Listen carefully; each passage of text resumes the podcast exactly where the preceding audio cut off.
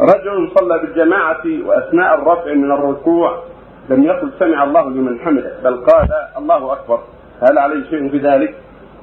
هذا ساهي عليه سجد السهو؟ وليس صحيح إذا قال بل سمع الله الله أكبر أو قال ربنا ولك الحمد وهو الإمام ترك بعض أهل العلم سهوا فيسجد السهو ان يسجد سجدتين وقال الاكثر لا شيء عليه هو العلم لا شيء عليه. لأن عنده ليست فرضا ولكن الصحيح إنه فرض. ان قول سمع الله فرض. وهكذا قال ربنا الحمد وكذا التكبيرات الأخرى بعد تكبيره الاحرام الصحيح أنها فرض واجبات.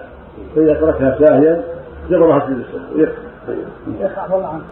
اللي كان ترك ركعة وبعدين الحج جابها والحزيمه هل على السجود بعد؟ ما دام معمول ما عليه ما دام معمول الصلاة مع الامام